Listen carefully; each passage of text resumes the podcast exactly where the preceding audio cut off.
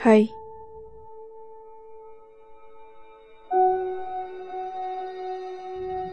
Di sini aku bakal nemenin kalian dengan cerita-cerita pendek yang bisa bikin kalian merinding, ngeri, bahkan ketakutan. Dan mungkin kalian pernah mengalaminya.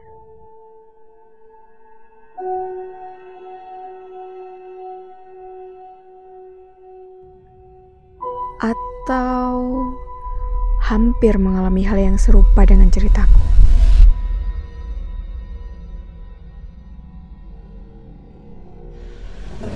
Dengerin di kamar, di malam hari. Jangan lupa matikan lampu dan pakai headset atau headphone kalian. Jangan pernah dengerin sendirian kalau takut. Cerita-cerita ini hanya karangan fiksi. Tapi kalau benar-benar terjadi, hati-hati. Inilah ceritaku.